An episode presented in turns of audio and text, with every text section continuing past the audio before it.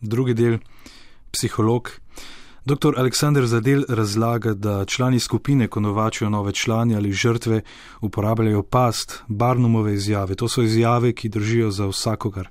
Pozorno prisluhnite, opisal bom vas. Ste kritični do samega sebe, včasih ste zaskrbljeni, ne zaupate vedno vase, ste družabni, včasih se zaprete vase.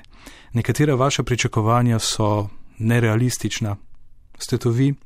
To je tehnika, ko nas sogovornik, v tem primeru mentor, s splošnimi trditvami prepriča o tem, to, da govorijo o nas, o, ne o nas na splošno, ampak da nas poznajo. In seveda, ko ugotavljamo, da me pozna, jaz ugotavljam, da me razume. Človek brez samozaupanja takšne trditve vzame za suho zlato, saj dobi občutek, da je odnos pristen. Počutimo se toplo, počutimo se varno. To je človek, ki nas gleda v oči, ki ima čas za nas. In seveda to so metode, ki so izjemno učinkovite in seveda se da z njimi, kot vsako stvar, tudi manipulirati. Nož lahko uporabite za rezanje salame ali pa za zabadati druge. Torej, vzpostavite en top odnos z nekom, lahko uporabite, da imate res potem en top odnos ali pa da ga oberete do kosti. Kognitivna neuroznanost razlaga, zakaj naši možgani funkcionirajo tako. S temi znani se lotijo žrtev, ko jih učijo, kaj v življenju počnejo prav in kaj narobe žrtve jih spustijo v najbolj intimne odločitve v življenju. Seveda se postavi vprašanje, zakaj družine ne morejo pomagati ljudem, da bi le prekinili zvezo s skupino. Zaradi tega, ker lajk ne more pomagati niti človeku, ki pretirano pije, ki zlorablja drogo, ki v igralnicah zapravi vse denar. Mehanizmi odvisnosti so popolnoma isti.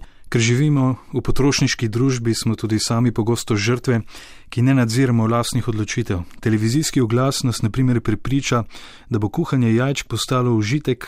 Če si kupim tiste plastiko, v katerem bom jaz kuhal trdo kuhana jajca, čist drugače, kot jih je kuhalo zdaj pet milijonov let, kdorkoli si hotel skuhati tisto trdo kuhano jajce, odkar poznamo ogen in odkar vemo, da je bolj, če je kuhano kot srovo.